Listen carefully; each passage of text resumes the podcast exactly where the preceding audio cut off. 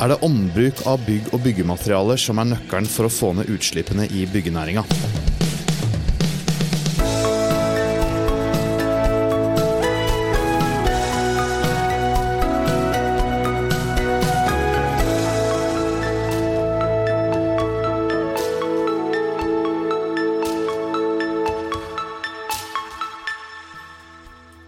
Noen få kvartal unna her vi står nå i vårt eh, ombrukte podkaststudio i Pilestredet, så har Oslo fortsatt store åpne sår etter terroranslaget som ramma hele nasjonen 22.07. i 2011. Nå skal et eh, nytt regjeringskvartal reise seg, og de eh, tre første store byggekontraktene er allerede delt ut. Miljøambisjonene er store. Og i 2016 så satte Statsbygg opp en omfattende ombrukslistende over materialet de ønsker å ta med seg videre i det nye kvartalet. Samtidig så hører vi om flere ombruksprosjekt som er på trappene i næringen. I dag skal, eh, så skal vi snakke om muligheter og barrierer ved ombruk, og vi har fått med oss Anders Fylling, som er direktør for Faglig ressurssenter i Statsbygg. Og Torkil Njå, arkitekt og partner i MAD arkitekter. Og først, Anders, hvorfor har ombruk stått så høyt på agendaen til Statsbygg? Eh, og så er vi i en situasjon eh, der både byggenæringa og resten av samfunnet bruker mer ressurser enn en det vi egentlig har tilgang på eh, over tid. Og så bidrar til for høye klimagassutslipp. Så for Statsbygg så er det viktig å bidra til å få ned klimagassutslippene og få ned ressursbruken i bygg. Eh, og da er ombruk eh, og gjenbruk og det som vi snakker om som sirkulær økonomi, viktige element i det her. Men kan du definere ombruk og gjenbruk? Hva mener vi med det? Jeg kan gjøre et forsøk. Med ombruk så tenker vi på at vi bruker produkt eller materiale direkte i den formen det har. Mens gjenbruk kan brukes i en litt videre forstand. Vi snakket så vidt i innledningen om regjeringskvartalet. Mm. Der hadde det ei ombruksliste som var ganske stor. Kan ikke du fortelle litt om, om ambisjonene de har hatt i regjeringskvartalet med ombruk og gjenbruk? Jo, eh, Regjeringskvartalet er jo et, som, et, prosjekt som består både av bygg som vi skal bruke der de står i dag. Eh, noen bygg må rives, og vi har plass til nye bygg, og så skal vi bygge noen nye bygg. Eh, og For å redusere belastninga, altså klimabelastninga mest mulig i den prosessen, her, så har vi jo veldig høye ambisjoner på alle de tre forskjellige delene av, eh, av prosessen. Da. Så når vi river noe, så ønsker vi i størst mulig grad å bruke, gjenbruke de materialene som eh, som blir tatt ned i andre prosjekt hos oss eller i andre prosjekt andre steder. Når vi planlegger nye bygg, så ønsker vi å legge til rette for å bruke gjenbrukt material. Eh, og planlegge for at det som vi putter inn i de nye byggene, skal gå an å gjenbruke en gang fram i tida. Men, men, hva er det dere kan bruke om igjen på regjeringskvartalet? Eh, og kan bruke om igjen en del komponenter. og er i, eh, driver og utreder en del andre ting. Eh, så det som vi eh, har jobba veldig mye med, og som vi syns er et ganske artig prosjekt akkurat nå, det er å gjenbruke hulldekkelementer eh, fra regjeringsbygg 4. Som er store, tunge element eh, og store konstruksjoner som trenger en del for å komme, eh, for å kunne brukes til nye prosjekt. Vi kommer tilbake til regjeringskvartalet og den ombruks, uh, ombrukslista litt etterpå, men nå er det perfekt bru over til deg, vår andre gjest, for så vidt. For vi snakker om hulldekk uh, her. Og jeg vet det at Mad Arkitekter er i gang med et prosjekt der de har fått disse her hulldekkene fra Statsbygg og regjeringskvartalet. Det stemmer det. Hva er det Torkel, det gjør? Vi, vi, har, et prosjekt i Kristian Augusts gate 13. Fortsatt i Oslo? Fortsatt i Oslo. Det, vi, vi, har flere prosjekter i den gaten. Vi bygger nytt bygg for Juridisk fakultet, som er et nybygg. Eh, og så var det et lite bygg ved siden av som eh, Entra kjøpte litt for å få til eh, egentlig reguleringsplanen der, og få til å binde sammen bakgårder og sånne ting. Og det bygget tenkte vi jo alle sammen først at vi skulle rive. Men så skifter jo tidene fort. Og det ble etter hvert klart at nei, vet du hva, dette her bygget her, det skal vi ikke rive, dette skal vi transformere. Men vi må også bygge på. Kan vi bygge på med gjenbruksmaterialer? Og så begynte dette her Ok, dette kan kanskje bli det første fullskala gjenbruksprosjektet som vi får gjennomført. da. Eh, og i den forbindelse så har vi jo da fått fra Anders eh, tre hulldekker. Eh, tre etasjer, altså, i dette ja. nye tilbygget, som er fra R4. Det er jo eh, virkelig ombruk i praksis. Og det er jo ikke mange meterne du har flytta disse her eh, materialene der? Nei og ja. De har vært på tur til Trondheim. Oi. for de måtte eh, godkjennes for ny bruk. Altså Det måtte gjøres en røntgenfotografering av disse dekkene for å vite at, eh, at det ikke var noen svakheter, og at de fortsatt ville ha den bruddstyrken som de, som de trenger å ha. Eh, og det gjør jo selvfølgelig at eh, akkurat disse tre dekkene er blitt dyrere egentlig enn det nye dekker hadde vært. Altså litt mer utslipp enn det kanskje burde ha vært. Sånn ja, men fortsatt veldig mye mindre enn det det hadde vært hvis vi hadde produsert nye. Og det er jo det viktige.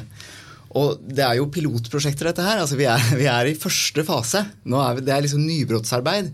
Så litt eh, slack underveis må vi ha oss. Men dere har også flere prosjekter. Fortell litt om de andre med-prosjektene. Ja, KA13 er jo under bygging, Ja. det, som vi kaller det. Kristian Augusts gate 13. Eh, så holder vi på i Nydalen. Eh, der har vi et eh, bygg som eh, Storebrand og Enpro eier, hvor eh, vi planlegger Det er egentlig to bygg. Og så skal vi demontere det ene bygget, som ligger helt inntil T-banestasjonen. Og så skal vi bygge på det eksisterende bygget. Målet her er egentlig å fjerne litt parkeringsplasser og få til mer bystruktur. Med de materialene som vi demonterer først. Eh, Og da klarer vi også å åpne opp et torg foran eh, T-banestasjonen, som gjør at vi får en mer bymessig situasjon. Da. Så det er, mange ting på en gang. Så vant vi også en konkurranse, internasjonal konkurranse, C40 Reinventing Cities, eh, med et prosjekt i, på Stovner. Det er, skal bli 18 000 kvadratmeter ca. med ombruks- eller gjenbruksbygg. Fullskala. Boliger. Det er også nytt. Nå har vi foreløpig eh, alt som vi har brukt ombruksmateriale til, har vært kontor. Så det, det er vi akkurat i gang med sammen med Ineo Eiendom, som er byggherre der. Eh, og begynner å jobbe med det. Begge dere har jobba med prosjekt og kommet godt i gang med noen. Eh, hva slags erfaringer sitter igjen med i regjeringskvartalet, Anders? eh, der? Eh, for det hadde, som var inne på, en ganske omfattende ombruksliste i 2016. Og jeg vet det at den har måttet blitt krympa ganske betydelig siden da. Ja, det, det stemmer. Og det er jo en del av de erfaringene som har gjort oss nå i de siste åra, er jo at vi har eh, oss har sett hva vi ønsker å gjenbruke, og hva vi mener er mulig å gjenbruke. Eh, og så har vi jo et regelverk som eh, skal sørge for at vi har god kvalitet i det som vi putter inn i byggene våre. Og det er vi veldig glad for, eh, og det støtter oss jo fullt ut. Eh, men det skaper jo i noen tilfeller noen begrensninger på hva vi kan gjøre. Og det er jo her mye av dette her eller en del av det som eh, også måtte ha redusert, er jo pga. det. At det vil koste mye å gjøre det som, som det blir snakka om når det gjelder hulldekker. Det å ta dem ut og dokumentere og sørge for at vi har eh, fullstendig og riktig dokumentasjon på det. Eh, Så Det er jo det ene som kan bli ei, eller som vi ser er litt vanskelig nå, og som vi må jobbe med i næringa. Hvordan kan vi få til dette her? Eh, Også det andre er jo mellomlagring. da. Som de prosjektene du, du viser til her, så er jo noe av det er jo å ta ut noe fra et eksisterende bygg og bruke det i et nytt bygg på samme sted.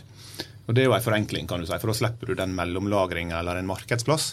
Men her er jo det muligheter for andre eller for nye aktører å lage markedsplasser for gjenbruksmaterialer, rett og slett. da. Eh, og Der hjelper jo digitaliseringa oss med å skaffe oss en oversikt over hva som finnes i bygg. Eh, Med digitale tvillinger så vil vi ha stadig større eh, oversikt over hvilke materialer vi sitter med. Og så med en overordna oversikt over det, så kan vi begynne å se hva slags materiale som vil være tilgjengelig hvor, når. Og så kan vi begynne å gjøre den dokumentasjonsprosessen litt mer smidig. Du var inne på det når vi gikk i gangene her. Her det pågår det jo eh, for fullt ombygging i det bygget vi står i. Eh, og når du begynner å få kommersielle eh, drivkrefter her, så får du virkelig fart på den utviklingen. Og det har jo satsa i MAD på dette. Dette Ja, ja. er en kommersiell og, og, satsing. Og det er jo altså sånn Vi er jo opptatt av at de, de vi jobber for, de må jo tjene penger. Det er jo derfor de bygger ting. Eh, Så vi må få dette inn i et system hvor det, hvor det er eh, mulig å tjene penger på det. Og det er mange måter å gjøre det på. Én ting er volum. Altså vi jobber med Resirkel, som er et firma som har spesialisert seg på å finne disse brukte byggematerialene eh, og mellomlagre og, og katalogisere og sånne ting. Og, og de, det begynte jo med en snekker som syntes at eh, det var, ble kasta så mye på byggeplassen. Og så begynte han å ta vare på noe, og så har det på en måte utviklet seg. Nå har de flere ansatte, og de kommer jo til å få mange oppdrag. Disse her vil det bli flere av. Um, og så tenker jeg at Mennesker er jo veldig enkle, egentlig. Vi gjør det som er best, det som lønner seg. Så eh, myndighetene kan jo også påvirke dette her. Altså, still krav til at det skal være 50% ombruksmaterialer i et bygg. Da, så løper jo alle og gjør det. Plutselig så i eiendomsbransjen, som jo egentlig er en veldig konservativ bransje, så skjer skiftene også veldig fort. Særlig ser vi innenfor næringseiendom. Hvor eh, altså Bream, det var det ingen som hadde hørt om det for en del år siden det er jo, nå, nå, kan du ikke bygge eller ombygge et bygg uten at det er Bream-sertifisert. for Du får ikke leid det ut. Men må ikke regelverket da henge med og være i forkant? Hvis en skal sette krav til 50% så må en vel ha et regelverk som snakker på samme måte? Ja, men jeg tror vi må utfordre regelverket, da. Eh, Juss er jo litt skjønn også. Og det, det, det, finnes vei, måter å gjøre det på. Vi, vi, vi har diskutert mye CE-merking, f.eks. Det var et merkesystem som kom så vidt jeg vet, i 2012. Eh, så det vil si at hvis jeg har et produkt som er før 2012, så er det ikke så farlig om det er CE-merket. Så det kan jeg gjenbruke uten at den merkingen trenger å gjøres på nytt. og sånne ting. Så det fins. Og jeg tror at vi vil finne løsninger. da. Vi må bare pushe på. Vi må Våge å ta I MAD så pleier vi å si at vi, vi skal ha skyhøye ambisjoner, og skal vi ha lave skuldre. Det er kanskje da, ikke så lett for dere å pushe det regelverket på samme måte som for en privat aktør, eller? Nei, Det vet ikke om det er noe større problem for oss enn for andre. Eh, vi diskuterer jo regelverk oss også. Eh, men jeg tenker det er ikke nødvendigvis sånn at regelverk alltid setter eh, de store begrensningene. Altså Det er en kostnad ved å følge regelverket. Så det er kanskje det som blir Hvor mye dyrere ble det? For det er vel Nei, det er et kostnadsspørsmål i regjeringskvartalet òg? Det vil jo det også være, som i alle prosjekter. Ja. Så det har ikke jeg konkrete tall på. Men det jeg er opptatt av å få fram med akkurat det, er jo at det er ikke sånn at regelverket nødvendigvis gjør at vi ikke kan gjenbruke eller ombruke. Det sier ikke nei til det nødvendigvis, men det eh, krever at vi skal, eh, skal følge dokumentasjonskravene. Det kan i noen tilfeller koste oss noe. Men hvis dere skal bygge fullskala, ja. Eh, hvor bekymra er du for at du skal få tak i alt du trenger? Alle delene? Ja, Det varierer med dagsformen. altså i, i, konkurransen så satte vi en sirkel rundt, uh, rundt, Stovner. Og så sa vi kan vi finne noen store relevante bygg som skal rives innenfor her, så vi slipper å dra det så langt. Mm. Der har vi jo løst mellomlagringen på egen tomt. Vi, vi har plass til å mellomlagre på tomten. Men, eh, men, eh, jo, nei, jeg er jo bekymret for en del av de byggene som vi tenkte skulle rives. De skal kanskje ikke rives allikevel. Liksom. Man river jo kanskje ikke like mange bygg lenger. og sånne ting. Så er jo, det er, det er jo en, en, prosess underveis. Men det vi ser, er at nå skal vi gå i gang med et, en sånn konseptutredning sammen med Neo og, og Bakke-gruppen på dette. Og så ser vi, kan vi redusere risiko noen steder. Det er jo risiko som koster i denne bransjen, egentlig. Eh, og et risikomoment er jo eh, Nå som vi har bygget i tett by nede i Kristian Augusts gate, så ser vi at det er jo kjempekrise. Det kommer masse hulldekkere i dag. Hvor skal vi legge de? Eh, har du løst den mellomlagringen, så vet du at jo, de hulldekkene de har vi de. Og de kan vi ta ut av det teltet akkurat når det passer å bygge med de. Så, så det er noe med å snu hele problemstillingen da, som jeg tror vi må gjøre. Hva er det som egner seg? Hva er det finner ut? Hva er det som virkelig egner seg for ombruk? Vi finner Alt kan egentlig egne seg for ombruk, men ting som er sammensatt, eh, mm. som, eh, altså material som er sammensatt av flere materialer og ikke lar seg, lar seg eh, ta fra hverandre, ja. eller ting som inneholder gift. Mm. Det, er jo, det er jo, ikke bra. Men, men, da er det viktig at vi angriper dette her i riktig ende også. At vi tenker på det her når vi bygger.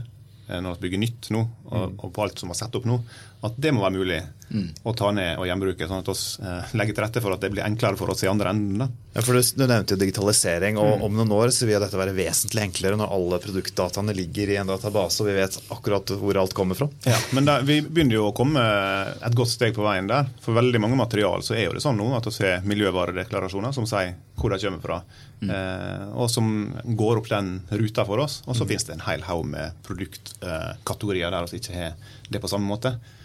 Eh, men når vi ser den informasjonen, eh, hvor, alt, eh, hvor materialet og produktene kommer fra, hva slags vei de har tatt til det bygget her, og hvor, hvor de er i bygget, og hva de blir brukt til, og hvor lenge de kan være der, mm. så er det et veldig mye bedre underlag for å, for å gjenbruke framover. Jeg tenker at Det er jo enorme muligheter framover. Og så er jo også dette her at her kan jo noen levere disse her materialene og produktene som ja, som en tjeneste heller enn mm. som et produkt. da. At det, Vi har en aktør som kan levere lys som en tjeneste. Så er det de som har ansvar for å holde dette her i drift og ta det ut når det er ferdig eller må bygges om. eller hva det er. Og, du har ikke den problematikken med å nei. finne det eller finne nei, plass nei. til det. Og samme, altså Neste gang vi får hulldekker av Anders, kanskje, så, så det jo, kan det jo være at det kan komme en kar fra Trondheim og ta med seg røntgenapparatet sitt ned dit. da, Og så måle der istedenfor å sende hulldekkene opp til han. Så det, det, det, vil jo endre seg, dette her. Og så tenker jeg også at eh, etter hvert, da, når vi kanskje leier hulldekker i fremtiden, så, så, vil jo det være gunstig for de som leier ut hulldekker, å lage disse hulldekkene sånn at de faktisk tåler å bli tatt fra hverandre, og som, at man ikke trenger å lage sånn røntgenmåling hver eneste gang. Jeg er helt enig med deg. og Der er det litt viktig å si at hulldekket er jo faktisk et himla vanskelig eh, produkt å gjøre dette her med, og få det til likevel. Ja. Sånn det finnes mange produkter som vil være betydelig enklere å gjøre. det her. Stål er vel uh, veldig godt egnet for Stål kan også være et, uh, en mulighet. Og, det, og, dette her er jo det, er ikke det verstingmaterialene òg, sånn i miljø? Det er material som uh, krever mye, eller bidrar til store CO2-utslipp under produksjon. Mm. Så derfor er det viktig å ikke redusere bruken av det, men redusere omfanget av nyproduksjon. Mm. Men hvor mye mer planlegging krever det av dere når dere skal rive et bygg, når dere vet at dere skal igjen gjenbruke og ombruke produktene. Må dere tenke annerledes i rivefase? Ja, vi må jo tenke annerledes i rivefase, absolutt. Men eh, det er jo viktigere tenker jeg, å, å gjøre den tenkinga i forkant, altså i byggefase. Mm. Så det har jo også inne som krav i våre, eh, i våre miljøstrategier nå, eh, og våre miljøoppfølgingsplaner, det er å planlegge for ombruk. Så at vi prosjekterer og planlegger for det, og stiller krav til leverandørene at de skal ha en plan for hvordan de, det de putter inn i bygget, skal kunne ombrukes. Og det er et resultat av de erfaringene vi har gjort. At det, mm. det er her er en del ting som er vrient, men hvis vi planlegger for det tidligere, så, så vil vi ha muligheten til å gjøre det mye enklere. Og det er, det er jo sånn, sånn, verden utvikler seg. ikke sant? Har, vi har en morsomhet på jobben. Denne, jeg tok med den, for jeg tenkte jeg skulle vise den til dere. Eh, nå viser du eh, til oss her, og så ja, da må du fortelle våre lyttere. Eh, for her står det Dette er en annonse fra eh, en avis like ved Molde. Hvor det står 'Vil du bli kvitt bilvrak?' Deg i Hornindal kommune som vil bli kvitt bilvrak, kan henvende seg til teknisk kontor innen fredag 11. mars klokka 16. Det er meninga at vraka skal kjøres på Hornindalsvatnet og dumpast gjennom isen. Helsing fra Friluftsnemnda. Når tror du denne her er fra? Nå har jeg Hvor langt tilbake skal vi? Jeg, jeg, så det at jeg tror jaggu det var i mitt fødeår fødeåret ja, 1977. Ja, 1977, ikke sant? Det er ikke lenge siden. Det, det er ikke så lenge siden. Det, altså, det er ikke så lenge siden. Og, og, da tenker jeg at sånn, det var en helt grei måte å bli kvitt bilvrak på den gangen. Og så etter hvert, da, når kanskje de begynte å skimte liksom, de øverste bilvrakene nede i fjorden på sommeren, så tenkte jeg at kanskje ikke er så lurt allikevel. Eh, og så har vi jo da fått Vi har jo egentlig en sånn Vi har jo høggeren. Og før så kunne du jo gå og skru av deler selv. Men eh, nå, stort sett, jeg har hatt en gammel bil og prøvd å få tak i deler, så er det jo sånn at nei, de vil skru ut selv, for nå har de sitt system. Og dette her tror jeg vi kommer til å få etter hvert. Så akkurat nå så går vi rundt på byggeplasser og klør oss i hodet og peker på ting og lurer på om vi kan ta det. Om noen år så er dette satt i system. Og nå har vi vel sett bilbatteri eh, som server hus og med strøm. og så her, her er det gjenbruk. Det skjer, skjer, mer enn det de gjorde i, ikke i nærheten av Molde, eller for så vidt, men i Sogn og Fjordane. Sogn og Fjordane, ja, Beklager. det sto Molde i annonsen over her. men, men det, er jo, det, er jo, et veldig viktig poeng. at eh, En grunn til at det er sånn som det er i dag, det er at vi verdsetter jo ikke det som er i bygga godt Nei. nok. sånn Nei. som det er i dag. Altså det er ikke, Bygget i seg sjøl har jo på en måte blir jo verdsatt og har en verdi fordi det ligger der det ligger og, og bidrar til en funksjon. Mm. Men alle byggevarene og alle materialer som er i bygga, har vi ikke satt en prislapp på. Så når vi begynner å få dette her i et bedre system framover, ja. så vil jo jeg, ha en, eh, vil jeg vite hvor mye jeg har av forskjellig material i, i byggene våre.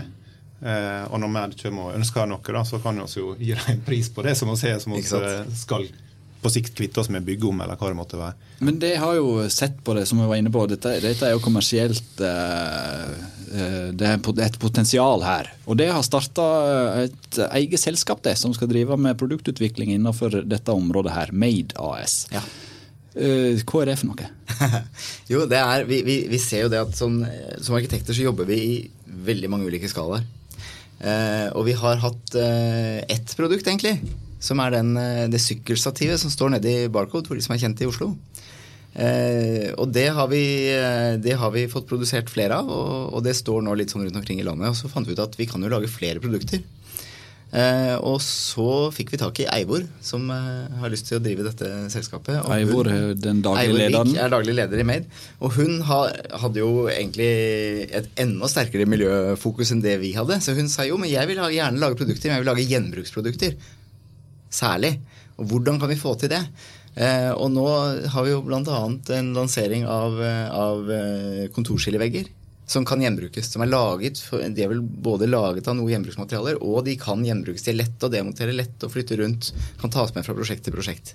Og så ser vi at det som er gøy, er jo at idet du lanserer noe sånt, så plutselig så strømmer det på med henvendelser. Fordi er det er dette som gjelder nå.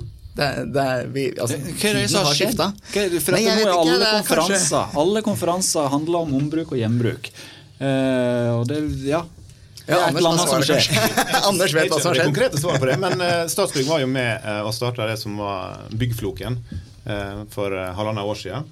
Der å samla eh, 25 aktører fra byggenæringa og utforska hva, som- hva sirkulærøkonomi kunne bety for byggenæringa. Og ut av det så popper det opp altså så mange eh, ideer, konsept og initiativ som blir dratt videre og har fått en veldig stor spredning eh, i byggenæringa. Jeg tenker at det blir gjort sånne ting som det med mange aktører på en gang. Eh, det bidrar til å få dette til å blomstre. Og så er jo det også eh, tenker jeg, en driv på sirkulærøkonomi fra EU og fra regjeringa også, eh, på at dette her er noe som kommer til å komme i større grad inn i det norske samfunnet. Så for byggenæringa så er det bare å virkelig bli med på dette her og finne ut hvordan vi kan utnytte det best mulig. For, for ett år siden så kom det en rapport som sa at etterspørselen etter ombukte materialer i den profesjonelle delen av næringa er lik null. Ja. Det har skjedd ganske mye på det ene året. Ja, det er hvert fall, og vi, vi prater om det. Vi- det, det er jo det, altså Jeg har en konsernleder hos oss, Nicolai Riise, som snakker overalt han kan nå. Eh, og det er gjenbruk og ombruk og gjenbruk og ombruk. Nesten hakk i plata. Men det er så viktig. Fordi det, det er litt som eh, det er, det er sånn det er med vanskelige ting. Man må prate om det. Så det er gjenbruk og prater om det- håndbruksforedraget. Ja, Ja. Det, og det er så viktig å prate om det. Og så ser vi at når vi begynner å prate om det, så begynner de andre også å prate om det. Og vi har jo lyst til å dele på all den informasjonen vi finner. Og når de andre også begynner å prate om det, så plutselig så kommer det jo noen som vi ikke har pratet med dem om, og kommer til oss og bestiller det. Sant? Så, så det er på en måte bare å få den der snøballen til å begynne å rulle. Men nå har alle dere eh, snakka om, eh, om Oslo. Dette er, er det noe som er veldig sånn Oslo-greia, eller er en, skjer det ting ute i landet òg? For eh, denne byggenæringen vår er både holdt på å si langstrakt og, og fragmentert. Si miljø, Miljøfokuset er kanskje sterkest i Oslo på én måte. Eh, Men hvordan får en da med seg de andre? Nei, det er jeg ikke noe bekymret for. Fordi idet vi får satt dette her i system, så er det altså, Du kan jo si ombruk og gjenbruk. De som virkelig er gode på det, det er jo Distrikts-Norge. Ikke sant? Der har man jo hatt en låve, og så bygger man litt på den. og så Kanskje man bygger den om til et hus, og så eh, flytter man eh, kårboligen over på andre siden av jordet, sånn, fordi da kan man dyrke der. altså det, det, Dette har vært gjort i generasjoner. Det er ikke noe nytt. Nei. Nei, Fra Statsbyggs side så jobber vi med dette her over hele landet. Ja. Eh, så det, når vi stiller krav om det her i prosjektene våre, så vil jo det gjelde bredt. Altså Og det er jo kjempeviktig for hele næringen at Statsbygg går foran her igjen, da. Og nå vet vi at det fins stål i, ar i fjordarmer rundt omkring på Vestlandet, i Sogn og Fjordane sågar, så det er mye å ta av. Ja. Et, et vann, da, ikke en fjord. Et vann, et vann. Ja, Ja, er, du ser Oslo-fokuset her litt for stort for meg. Vi har veldig mange fra over hele Norge på kontoret. Dessverre fikk dere meg. Du, det sto Molde i den annonsen, så Ja, det det, gjorde det. skjønner Ja. jeg veldig godt at du gikk på en smell der. Ja. Men Hornindal, eh, er ikke det til og med det vannet er det djupeste vi har? eh? Det er djupeste i Norge, ja. Ja, Ja, Det var sikkert eh, ikke det har sikkert falt tilfeldig at det var det vannet de valgte. da, ikke sant? De, man tenkte jo før òg. Men en, en ting som blir viktig oppi dette her også, er jo at vi klarer å, eh, å bruke bygga, rett og slett. altså gjenbruke bygga. Mm. og, og at vi tenker mest mulig effektivitet på arealene våre. For det Driveren for å bygge nytt er jo hele tida at det er et behov for nye areal eh, fra forskjellige eh, aktører og brukere. Og da har jeg jo lyst til å utfordre deg på den vanskelige vanskelige Y-blokka der nede, da. Den skal du jo rive. Og Det den, eh, ja, Ja. den burde ikke den ha stått, da. Det er jo eh, en, eh, en debatt som har vært oppe, og det er beslutninger som har blitt tatt. Og så er det Statsbygg sitt oppdrag å utføre den beslutninga og rive den nye blokka. Det er sikkert litt lettere for meg arkitekter å mene noe om å skal stå eller Hva, Ja, hva som hadde vært lurt i eh, ombruksforstand der? Altså, eh, jeg personlig skjønner ikke hvorfor vi skal rive den. Det, det syns jeg er vanskelig. Eh, og om det løpet er kjørt eller ikke, det vil jo tiden vise. da. Altså, det fins gule vester i Norge også, det er bare å ta de på.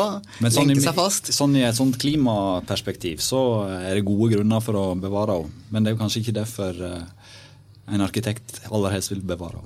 Nei, altså det, eh, Hvordan skal vi si dette? Eh, Vi, vi har et sånn hierarki. Ikke sant? Så det, det aller viktigste vi kan gjøre, det er å bygge vakre ting. Fordi vakre ting skal veldig mye mer til at noen river en gang i framtiden. Om 50, 100, 200 år. Eh, og så må vi bygge med kvalitet, sånn at det ikke materialene er for dårlige, så man må rive. Eh, og der ser vi også at mye av det som vi river nå, det er jo pga. for lave himlingshøyder, altså at vi ikke klarer å få inn de tekniske installasjonene vi skal, og sånne ting. Er det arven etter 60- og 70-tallet? Ja det, ja, det er jo litt det. ikke sant? Eh, og da hadde vi jo også sånne flotte materialer som Asbestilux og sånne ting, som var veldig fine da, eh, som ikke er så populært nå lenger. Eh, og så er det jo det som Anders sier, da, som er kanskje vel så viktig. Altså, kan vi, Må vi ha mer areal? Altså, man må alltid stille seg spørsmål. Eh, Vi er i en flytteprosess selv eh, nå, for vi vokser ut av kontoret vårt. Og da har vi også stilt oss spørsmål kan, kan vi gjøre noe her eh, som gjør at vi ikke trenger noe å, å få mer areal. Men flytter dere til et nytt bygg eller et gammelt bygg? Nei, vi er jo nå mm, må, Det forplikter jo, da, det vi sier. Så vi leter jo kun etter gamle bygg. Eh, og vi ønsker å gjenbruke så mye som mulig av det vi finner. Vi, vi har bl.a. sett på ett lokale hvor vi mener at vi kan flytte rett inn.